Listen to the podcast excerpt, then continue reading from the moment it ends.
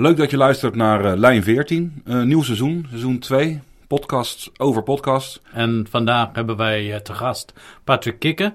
Leuk. Welkom. Leuk dat je er bent. Uh, kun je jezelf even voorstellen?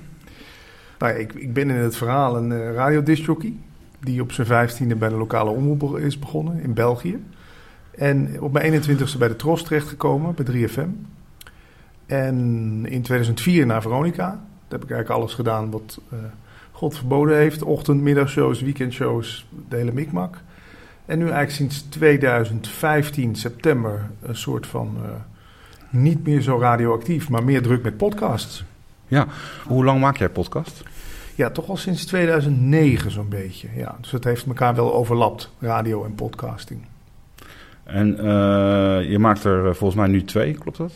In ieder geval, uh, ja, eigenlijk drie. Drie audioversies. Radiocollege, Leven zonder stress en Praten over bewustzijn. Ja. Hoe ziet een leven zonder stress eruit? Goeie vraag. Ik ben er nog niet helemaal achter of het, of het echt kan. Maar het is een soort voor mij het ultieme. Ik ben er echt naar op zoek. Maar ik heb toevallig vanmiddag nog iemand gesproken die tegen me zegt: Ja, maar je, dat moet je helemaal niet willen, een leven zonder stress. Want stress maakt het juist dat je verder komt. Dus ja, ik ben er nog niet helemaal uit of het wel kan, een leven zonder stress. Waarom wil je dat dan? Is dat iets wat je streeft na, om een leven zonder stress? Of, uh... Ja, ik heb een burn-out gehad in 2011. En eigenlijk in 2002, toen ik bij 3FM werkte, ook al. Maar toen ben ik gewoon doorgegaan. Want ja, dan ben je 28 of zo. Dan denk je, kom op zich, ga toch niet stoppen hiermee.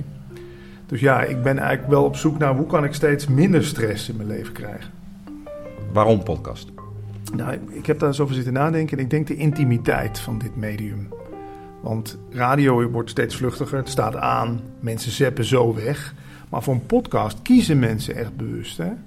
En ik, ik vind het zo leuk om te horen wat met die podcast allemaal voor een feedback krijg. Uh, brieven uit Finland van mensen die daar zitten te luisteren. Mensen die zeggen, ik heb alle 300 afleveringen van Praten over Bewustzijn geluisterd. Ik ben daarna opnieuw begonnen, want jullie zijn een soort vrienden voor mij geworden. Oh, ja, de, ja, eigenlijk de beginjaren van de radio, toen radio nog echt heel erg voor mensen iets magisch was en intiem. Dat vind ik nu terug bij podcasts. Wat was die eerste podcast? Um, dat was eigenlijk Patrick Kikker Funny Files. ja, ik ben altijd van de grappige filmpjes en mp3-bestanden geweest. Ja, unbelievable. Met Veronica, goedemorgen. Ja, goedemorgen. Je spreekt met Liefde Tweegink. Wat is er gebeurd, Lisbeth?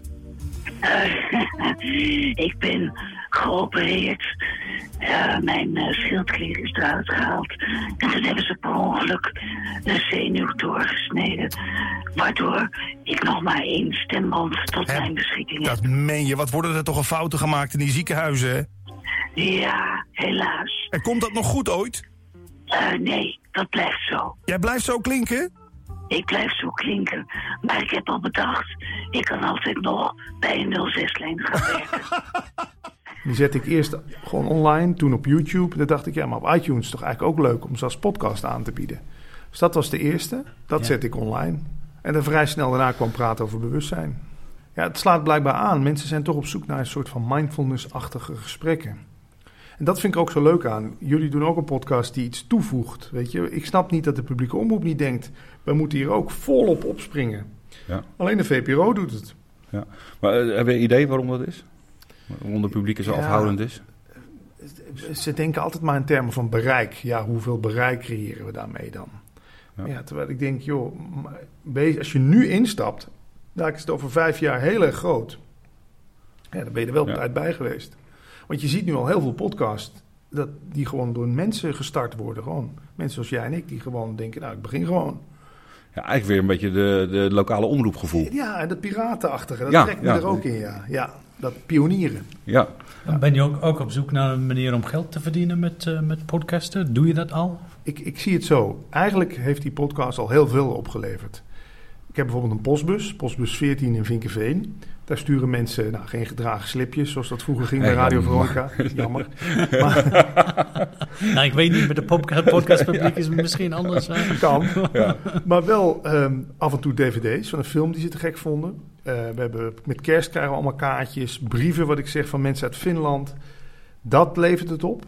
En we hebben zelfs dankzij de podcast Praten over Bewustzijn twee films, twee speelfilms kunnen maken. Dat we gewoon een oproep hebben gedaan van, is er misschien nog een cameraman of regisseur Nou, voor het weten hadden we 30 mensen bij elkaar. En dan is de film Alles of Niets eh, door uit ontstaan. Dus ik, ja, ik vind vooral wat het je oplevert aan kennissen, aan, aan leuke avonden. Dus geld nee, maar wel ontzettend veel leuke ervaringen. Waar ging die film over? Non-dualiteit, eigenlijk waar de podcast Praat over Bewustzijn ook als rode draad eh, over gaat. Oké. Wat is non-dualiteit? Heb je even? ja, non-dualiteit is eigenlijk een filosofie uit India. Die, eh, waarin gezegd wordt, de wereld zoals die lijkt te zijn, is eigenlijk anders. Je, nu lijkt het alsof hier drie poppetjes zitten. Maar is dat werkelijk zo? Le- Zitten hier drie verschillende individuen? Of is de wereld één verschijning die in jou verschijnt?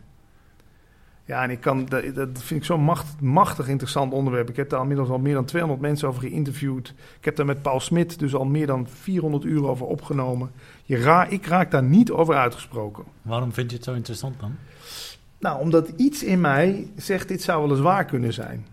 En ik ben altijd wel een soort, ehm, hoe noem je dat? Ehm, als iemand A zei, dan ging ik onderzoeken of B niet ook klopte of, of nog waarder was. Ik ben altijd een soort rebel geweest. Kreeg in mijn radiowerk ook altijd te horen van... Ik was een van de eerste die bijvoorbeeld telefoongesprekken opnam. Op minidisc toen nog. Ik had een kabeltje laten solderen. Via de koptelefoonuitgang kon ik gesprekken opnemen.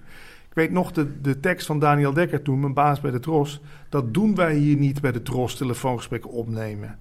Weet je, dus ik heb met dat non-dualiteit zijn heel veel mensen die zeggen: Je bent gek, dat kan, dat kan toch nooit kloppen? Dan denk je, maar dan wordt het interessant voor mij. Als het niet iets is wat iedereen aanneemt. Ja, het li- het lijkt ook een beetje op conspiracy eh theorie. Kan je die vergelijking maken? Ja, Paul is wel een beetje, zit meer in die hoek. Hè. Die zegt ook 9-11, dat kan niet. Die Twin Towers die ingestort zijn en zo. Maar ik kijk meer naar, de, naar het liefdesaspect wat erachter zit. Want als jij en ik niet verschillen van elkaar, als wij één verschijning zijn, dan zou ik wel gek zijn dat ik jou iets aandoe, want dan doe ik mezelf iets aan. Ja. Dus voor mij is dit een manier om een beetje uit dat ego iets minder met mezelf bezig te zijn en wat meer met de mensen bezig te zijn. Ik heb een soort Matrix gevoel. Ja, dat- allerlei parallel ja, universum ja, ja. om je heen en dat soort, dat soort dingen. Ja. Ja, als je daar een beetje aanleg voor hebt, is dat ma- machtig interessant.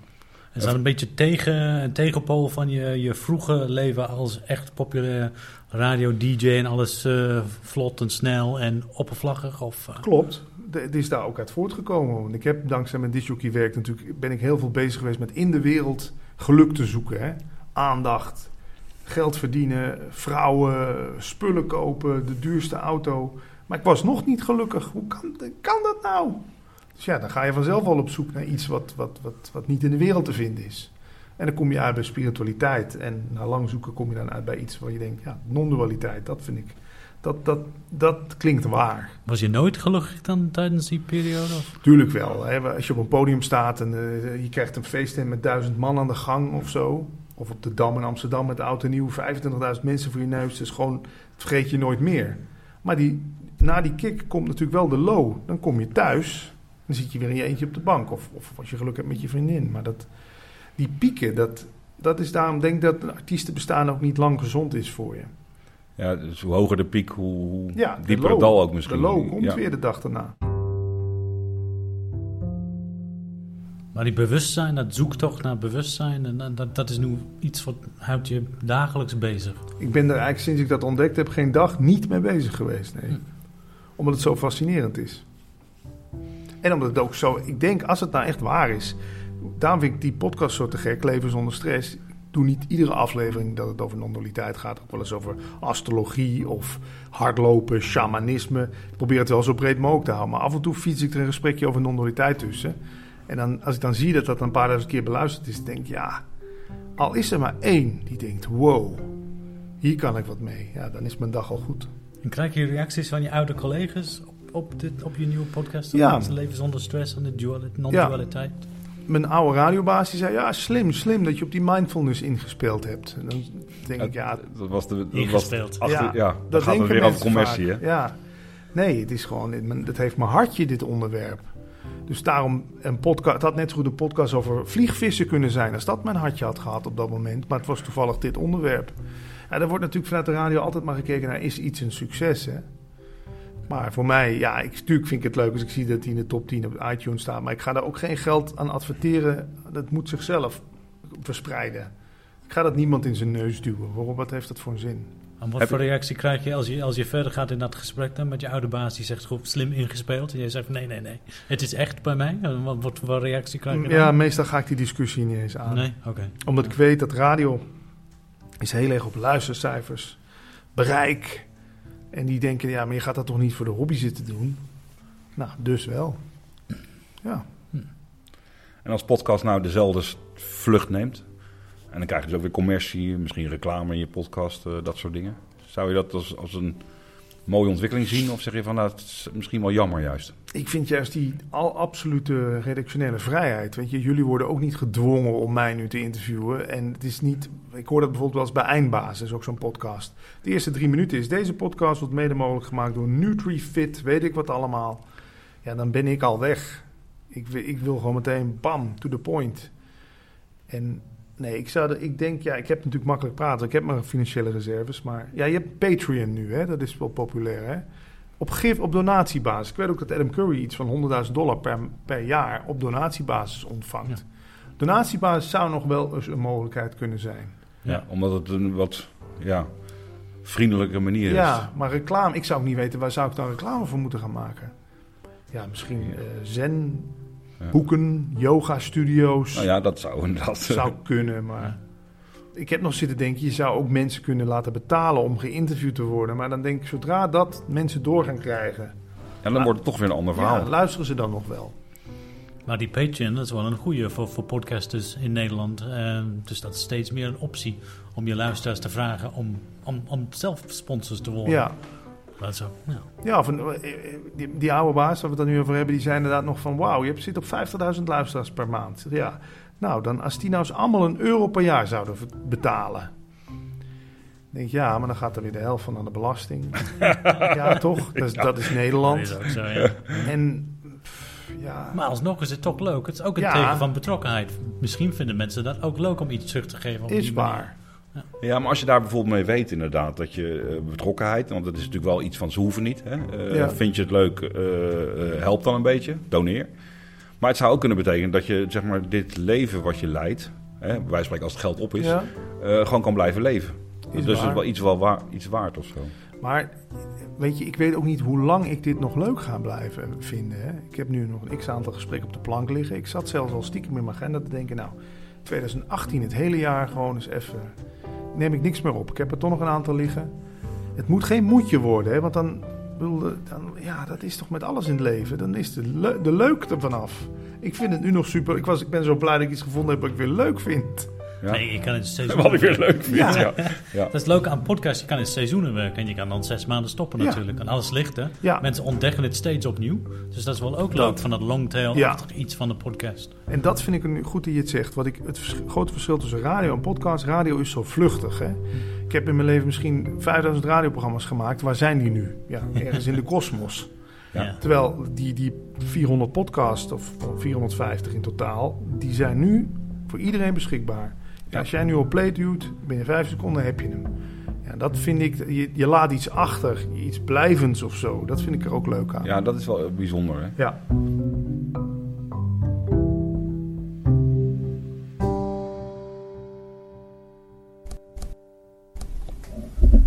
Op de bank, Deborah eh, Cabau van deborahkabau.nl. Ja. Je bent astrocoach eh, Ja. en met name voor vrouwen. Ja, klopt, ja. Waarom speciaal voor vrouwen? Nou, eigenlijk om meerdere redenen. Maar ehm, ik zelf kom eigenlijk uit het personeelsvak. En daarin heb ik zelf heel vaak gezien de worsteling van vrouwen om op posities te komen ja, waar ma- kennelijk mannen ma- makkelijker bij kwamen. En eh, daarnaast heb ik ook een hele grote. Kan ik je iets vragen over je stijl van podcasten met leven zonder stress? Je begint gewoon, er is geen intro of tune Ja, of zo. Je begint gewoon boom. Waar- waarom, waarom voor die stijl? eh, Waarom heb je daarvoor gekozen? Nou, het is de audio van de video-interviews bij mij. Hè. Daarom is de audio-kwaliteit ook redelijk. Hè. Het, is, het klinkt soms een beetje blikkerig en, en, en, eh, en hol. Ik doe die interviews dus in eerste instantie ook, ook met zo'n klein cameraatje. En dan moet je... Ja, ik vind juist... Ik heb het ook met luisteraars onderzocht. Die andere podcast, Praten over Bewustzijn, was ineens de vraag... moeten we geen intro-tune? Ja, en gewoon aan de luisteraars gevraagd. Die zeiden nee. En we willen ook niet meer dat jullie in een studio gaan zitten. Ga met de microfoon gewoon op de bank zitten. En het maakt niet uit dat je af en toe kraakt.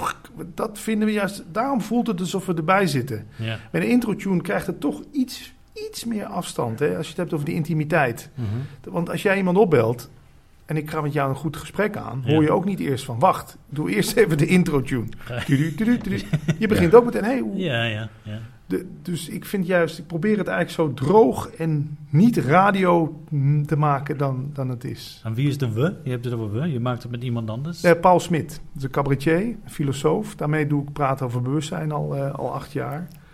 Ja, en die eh, staat er een beetje hetzelfde in. Af en toe doen we eens voice messages van luisteraars tussendoor. En bij Leven zonder stress is het inderdaad, inderdaad sec. Daar knip ik ook niet in. Ik haal er niks uit. Af en toe hoor je mij ook de camera verplaatsen. Ja, ik hoor van mensen wel terug dat ze zeggen... ja, dat- het is net alsof ik erbij ben. En die knippen is ook gewoon bewust om... Ja, ook een stukje luiheid, denk ik. Oké, dat is wel eerlijk. Ja, lui, want ik doe liever vijf interviews in de maand dan ik het drie doe en ik ga het nog volop zitten te editen. Hm. Ook als een soort van tegengeluid, omdat iedereen nu zegt dat, dat YouTube-filmpjes niet langer dan twee minuten mogen duren. Ja, dan denk ik, ja, dat zullen we nog wel eens zien.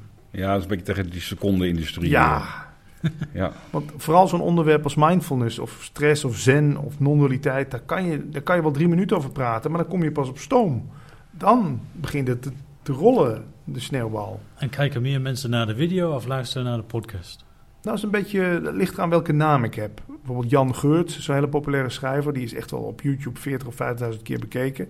En dan als podcast een paar duizend keer beluisterd.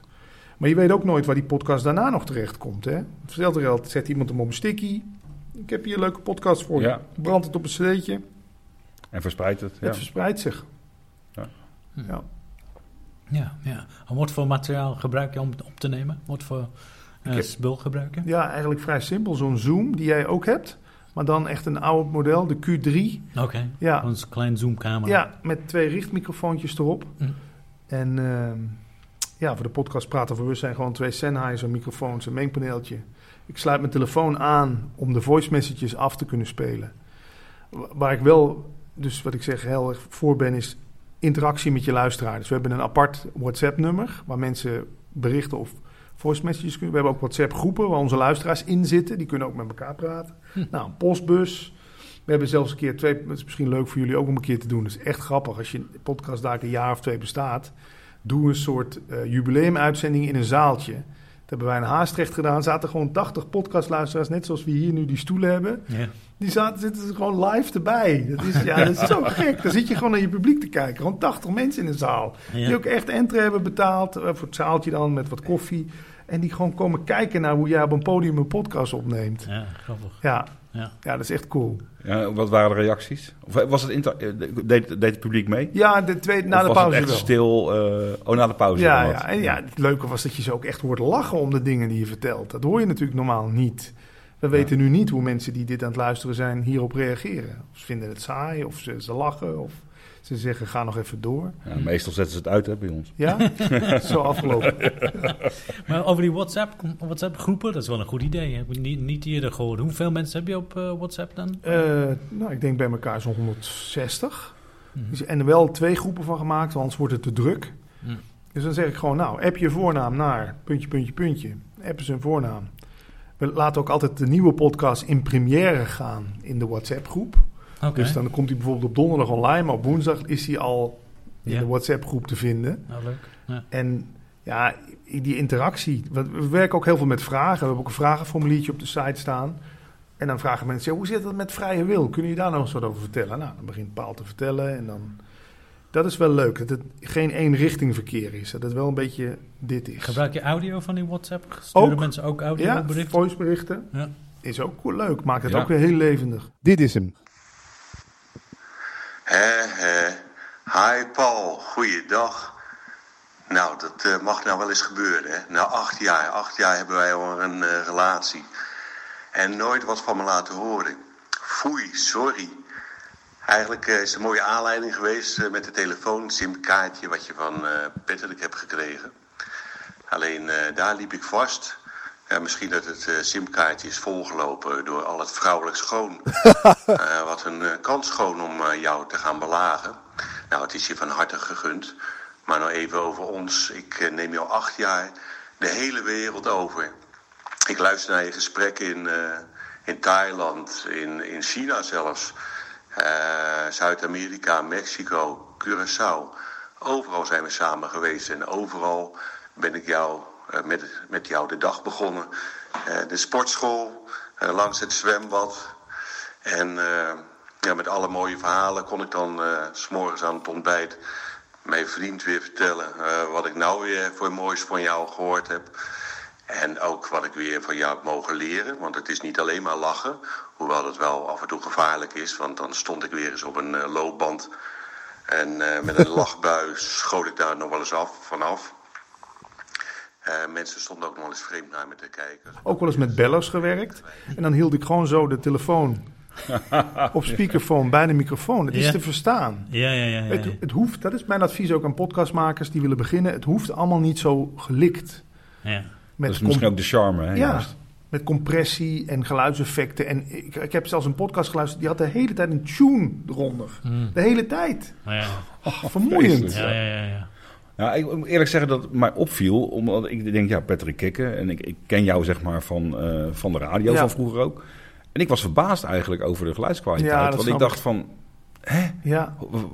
waar, omdat ik eigenlijk zou verwachten dat, dat, Dat, je ik dat... het professionele zou aanpakken, ja, ja ik, dat hoor ik wel meer van mensen. Maar dat, dat zie je maar weer, dat het bij mij echt op dit moment gaat om de inhoud. En de vorm is secundair. Maar het zou beter kunnen, ben ik helemaal met je eens. Het, het, is, het is nu beluisterbaar, maar niet, ja, er zit ruis op. Als je op een gegeven moment een soort loyale luisteraars hebt van, laten we zeggen, 300, 400...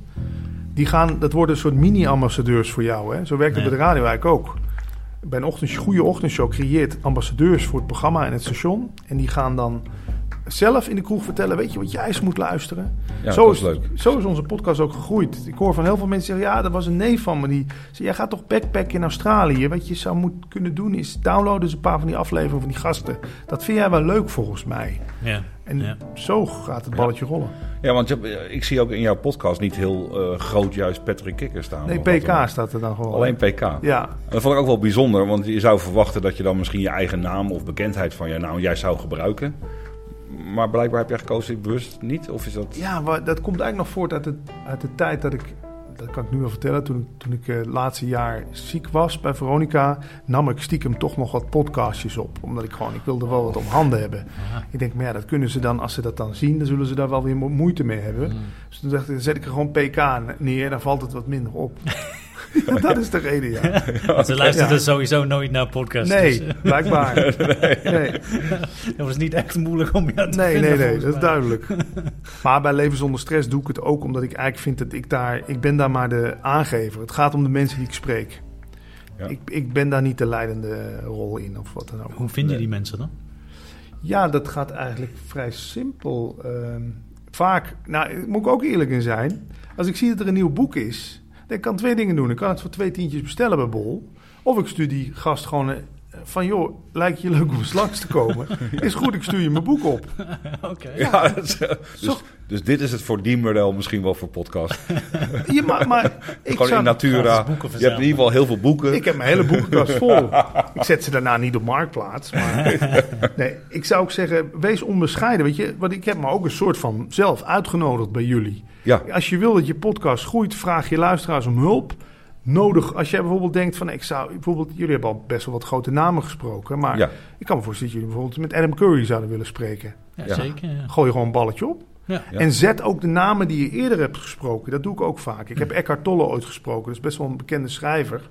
Die gebruikte ik ook als zijnde van... nou, ik heb al met Eckhart Tolle gesproken. Wil jij ook langskomen?